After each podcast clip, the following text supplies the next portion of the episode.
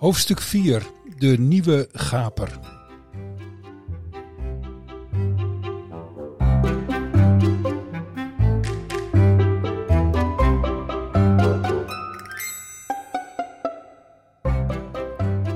Het anders zo deftige en rustige Haarlem beleeft in 1856 een geweldig feest.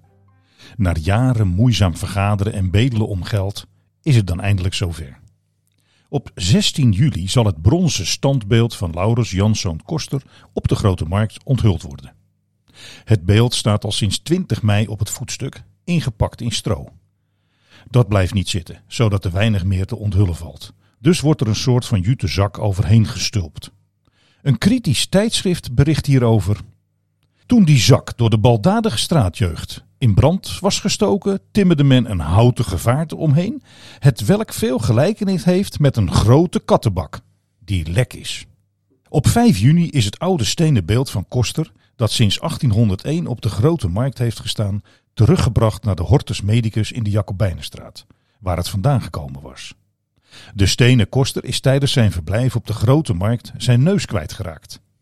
In de plaatselijke commissie voor geneeskundig onderzoek en voor toezicht, die over de hortus gaat, zetelt de oude apotheker Martin Beets, de vroegere leermeester van Antonie van der Pigge. Beets stelt voor om de stenen neuslozen te verkopen, omdat het beeld volgens hem toch geen kunstwaarde bezit. Maar daar zijn de andere leden fel tegen. Koster is inmiddels heilig verklaard in Haarlem. Over het nieuwe beeld is ook niet iedereen even enthousiast, maar dat betreft eigenlijk meer de persoon van Koster. Hoe eigenaardig toch dat voor Laurens Janszoon Koster, die nooit bestaan heeft en niets heeft uitgevonden, twee standbeelden zijn opgericht. Terwijl er nooit aandacht is besteed aan een echte Haarlemse uitvinders. In Haarlem ontwikkelt de militair geneeskundige Dr. A. Matthijssen in 1852 het gipsverband om botbreuken te genezen. Eveneens in Haarlem ontdekte apotheker J. Geuns in zijn schuurtje in de Doelstraat in 1833 een methode voor het vulkaniseren van gom en vindt daarmee het rubber uit, onafhankelijk van de Amerikaanse firma Goodyear die met de eer is gaan strijken. Beide Haarlemse uitvinders zijn vergeten. Voor drogisterij van der Pigge zijn het drukke dagen. De stad is versierd met erebogen en vlaggen. De ontluikende Haarlemse middenstand werpt zich massaal op Koster. Veel winkeliers hebben portretten van Koster in hun etalage gezet. Er worden Kosterkoekjes verkocht en Kostersigaren. Een spottende dichter rijmt. Ik leen mijn naam aan puiksigaren, aan koek en worst, punch en banket. Een kosterspet op krulde haren, om het andere huis prijkt mijn portret. Het moet een feest worden zoals nooit tevoren. Laurens Koster is niet alleen in Haarlem, maar in heel Nederland een ware rage aan het worden. Dit is een kans uit duizenden voor de stad. Komen inderdaad geweldig veel mensen uit het hele land op af. Het aantal valt niet te schatten, maar het zijn er te veel voor een stadje van 27.500 inwoners. Er is te weinig eten, er zijn te weinig slaapplaatsen en zowel de trein als de beschikbare rijtuigen zijn overvol. Het weer werkt bovendien niet mee en verschillende onderdelen van de twee dagen durende manifestatie vallen letterlijk in het water. Het standbeeld wordt tenslotte toch onthuld, zij het een paar uur te laat. Een Amsterdamse fotograaf legt de plechtigheid vanaf het stadhuis vast. De torenklok van de BAVO staat ook op de foto. Het is 13 uur 40. Een groot vuurwerk, verzorgd door kunstvuurwerkmaker Van Leeuwen van de Oude Gracht, zal de feestelijkheden besluiten. De tribune, waarop 700 personen tegen betaling van een gulden hebben plaatsgenomen, zakt voor het vuurwerk begint met luid gekraak in elkaar. Een krant citeert later een Haarlemse volksvrouw die tegen haar zoontje zegt: Leidt de hele rijkdom voor de grond? Kijk, dat doet me plezier. Kortom, het is onvergetelijk. Zouden de Van de Pigges iets gezien hebben van al die feestelijkheid? Winkeliers hebben daar nooit tijd voor. Nu niet en in 1856 helemaal niet. Bovendien is Henriette in verwachting. Dat is een veel belangrijkere gebeurtenis. Dochter Anna wordt geboren. Het gezin zal nog met twee dochters uitgebreid worden. Gelukkig gaan de zaken goed. Langzaam klimt Haarlem uit het economisch dal. Heel erg langzaam, volgens de rapporten. Een nieuw onheil dient zich aan nadat in 1852 het Haarlemmermeer droog is gelegd. Het water stroomt veel langzamer door het Spaarne. De grachten in Haarlem worden niet meer doorgespoeld. De grachten stonken altijd al, vooral in de zomer. Maar zo erg als nu is het nog niet geweest. Niet zo vreemd, want in de eerste plaats komen de riolen op de grachten uit. Alle fabrieken en de katoenververij van Previnaire lozen er ook hun afval in en de burgers gooien al sinds eeuwen alles wat ze kwijt willen in de stadswateren. Omdat het met Wilson en de andere textielfabrieken niet goed gaat, durft het gemeentebestuur eerst niets tegen deze grootste vervuilers te ondernemen. Uit angst voor bedrijfssluitingen en massale ontslagen. Ten slotte wordt de alles verpestende stank zo erg dat het voorstel wordt gedaan om de oude gracht te dempen. En ook het verlengde daarvan, de Kraaienhorstergracht. Na jaren delibereren en ondanks protesten van allerlei kanten beginnen op 2 juli 1859 de werkzaamheden. Eerst zal het verwulft, het overkluiste deel van de oude gracht, worden gesloopt. Op 28 juli, s'morgens om half acht, stort een gedeelte van de overwelving in en drie man raken bedolven. Twee worden dood onder het puin vandaan gehaald. Volgens een verontwaardigd krantenartikel wordt het zoeken naar het tweede slachtoffer onderbroken omdat de werklieden gaan schaften. Ondanks de ongelukkige start is het werk op 30 november 1860 voltooid.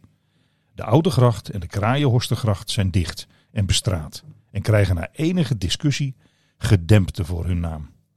De gedempte Kraaienhorstergracht zal later de Nassolaan gaan heten. Maar zo snel wennen Haarlems niet aan die nieuwigheden. Tot in de 20ste eeuw blijft iedereen gewoon Oude Gracht zeggen in plaats van gedempte Oude Gracht. En die heeft aanzien gekregen van een deftige boulevard met aan weerszijden bomen en een rijweg in het midden. Helaas, ondanks het dempen van de stinksloten blijft de walgelijke lucht in Haarlem hangen. En in 1866 woedt er weer een cholera-epidemie. Na 1860 beginnen de rijke inwoners de binnenstad te ontvluchten. Sommigen overwegen eerst nog om huizen te laten bouwen aan de nieuwe gracht, maar ook daar stinkt het. Previnair stinkt van ver, rijmt het volk. Steeds meer welgestelden gaan in Heemstede of in Bloemendaal wonen. De gemeente laat villa-parken ontwerpen in een poging de kip met de gouden eieren binnen Haarlem te houden. In 1867 ontstaat het Keno-park, in 1873 het Flora-park. Voor het eerst wordt er weer veel gebouwd, maar in Haarlem is geen plaats meer. In 1866 is de woonruimte boven de winkel in de Gierstraat wegens gezinsuitbreiding te klein aan het worden. Een deel van de voorraad moet verhuizen en Van der Pigge koopt een pakhuis in de Vijfhoek, het pand Drapenierstraat 22. Na 1870 gaat het steeds beter met Haarlem. Er komen in hoog tempo winkels bij. In de Aanegang, de Lange en Korte Veerstraat en de Kleine Houtstraat zijn de meeste winkels te vinden. Haarlem maakt kennis met de luxe van de grote wereld. Een Haarlemse banketbakker begint in 1863 een salon de réfraîchissement op nummer 132 in de Grote Houtstraat tegenover de Cornelissteeg. Zijn naam is G.J. Drosten. In 1880 blijkt Van der Pigge een tweede pakhuis nodig te hebben. Dat wordt Wolstraat 5. Zakelijk gezien gaat alles dus naar wens, maar daar wordt de mens nog niet gelukkig van. In de zomer van 1874 sterft zijn vrouw Harriet. Anthony blijft alleen achter met drie dochters. Er is geen zoon die hem op kan volgen. Zes eenzame jaren volgen. Hoe het contact precies tot stand is gekomen weten we niet, maar in 1880 verschijnt een zekere Johannes van Os ten tonele. Hij komt in de zaak werken als volontair. Een nette jongeman van 23 jaar, afkomstig uit Vinkeveen. Helaas weten we niet zoveel over zijn achtergrond. Vermoedelijk heeft hij welgestelde ouders, want hij heeft middelbaar onderwijs gevolgd op een katholieke kostschool in de buurt van Sertogenbos. Zijn kleinzoon Jan van Os herinnert zich dat zijn vader hem tijdens een autoritje door Vinkeveen een groot huis aanwees. Daar is je opa geboren. Maar het contact met de Vinkeveense familie van Os is kennelijk niet onderhouden. Er ontstaat iets moois tussen dochter Anna van der Pigge en Johannes van Os. Maar hij krijgt niet zomaar de hand van de jonge juffrouw. Eerst moet hij zich gaan bewijzen. Door een paar jaar in de leer te gaan op het kantoor van een Amsterdamse chemicaliënhandel en daarna bij een groot handelsbedrijf in Utrecht. Eind 1884 komt hij terug in Haarlem. Hij heeft zijn beproeving doorstaan. In 1885 trouwt Johannes van Os met Anna van der Pigge en wordt medefirmant. Maar de naam van de zaak zal nooit gewijzigd worden. Het blijft A.J. van der Pigge. Zo komt het dat er nog steeds mensen zijn die meneer van der Pigge zeggen tegen Menno van Os, de vijfde generatie. Anthony van der Pigge trekt zich na 1885 geleidelijk aan terug uit de zaak. Hij heeft 40 jaar onafgebroken gewerkt, met die typisch 19e-eeuwse instelling van soberheid en discipline die in onze tijd nauwelijks meer bestaat. Haarlem is eindelijk na bijna twee eeuwen uit de versukkeling. Vooral na 1877 neemt de welvaart toe. De aanleg van het Noordzeekanaal in 1873 begonnen, heeft daar ongetwijfeld mee te maken. Wat niet wegneemt dat er nog veel armoede heerst. De werkenden hebben het niet altijd veel beter dan de werklozen. Sociale zorg is nog een onbekend begrip en als er iets gedaan wordt, gebeurt het uit liefdadigheid. De armenzorg van de stedelijke overheid is nog uiterst primitief en die van de kerken is niet veel beter. Drogisterij A.J. van de Pigge heeft een zekere bekendheid opgebouwd.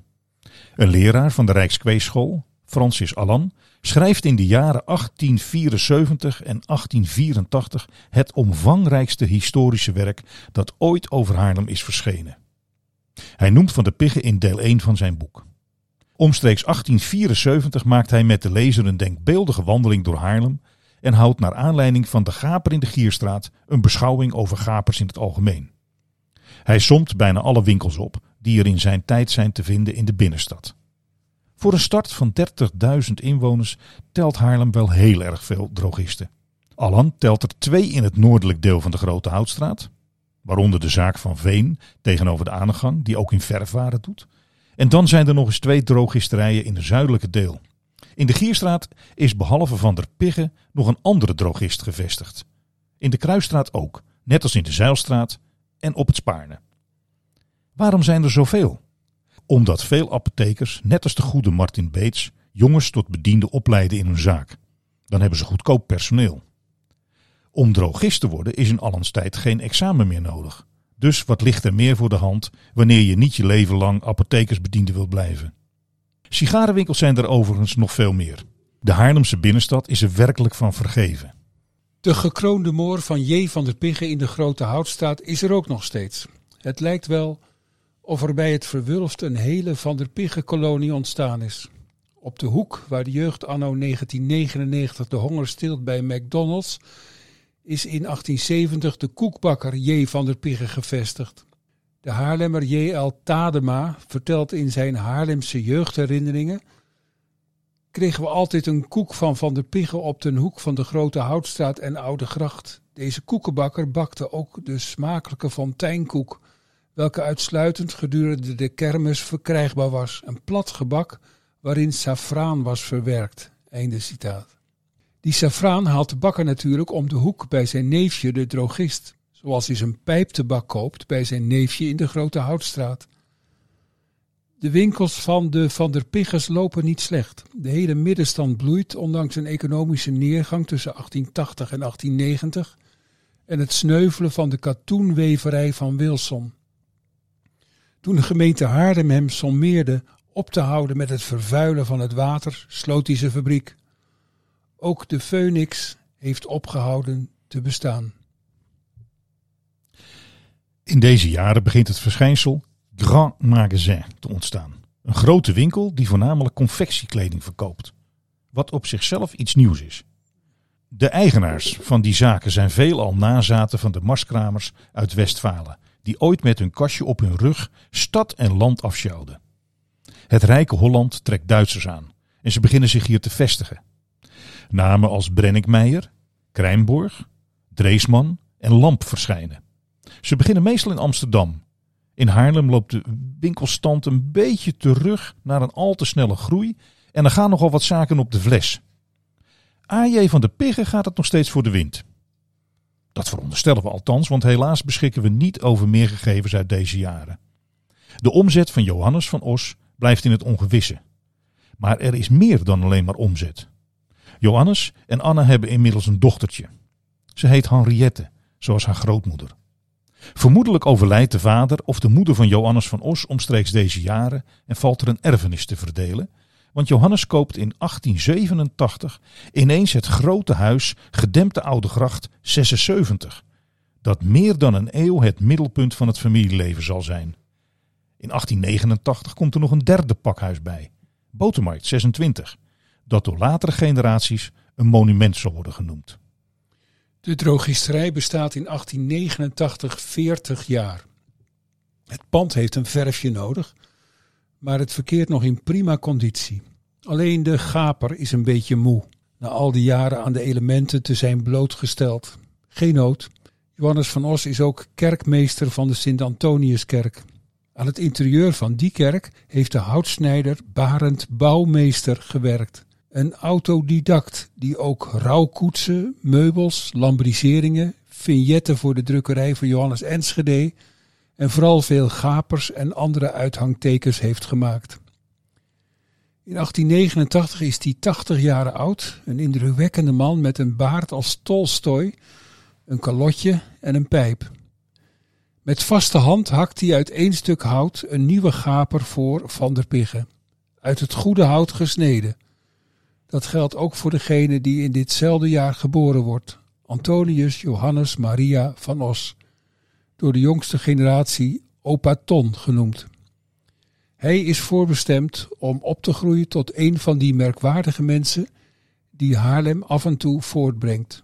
Een goed vakman met alle eigenschappen van de nuchtere Hollandse winkelier, maar tegelijk in het bezit van een wonderlijk creatieve, non-conformistische geest.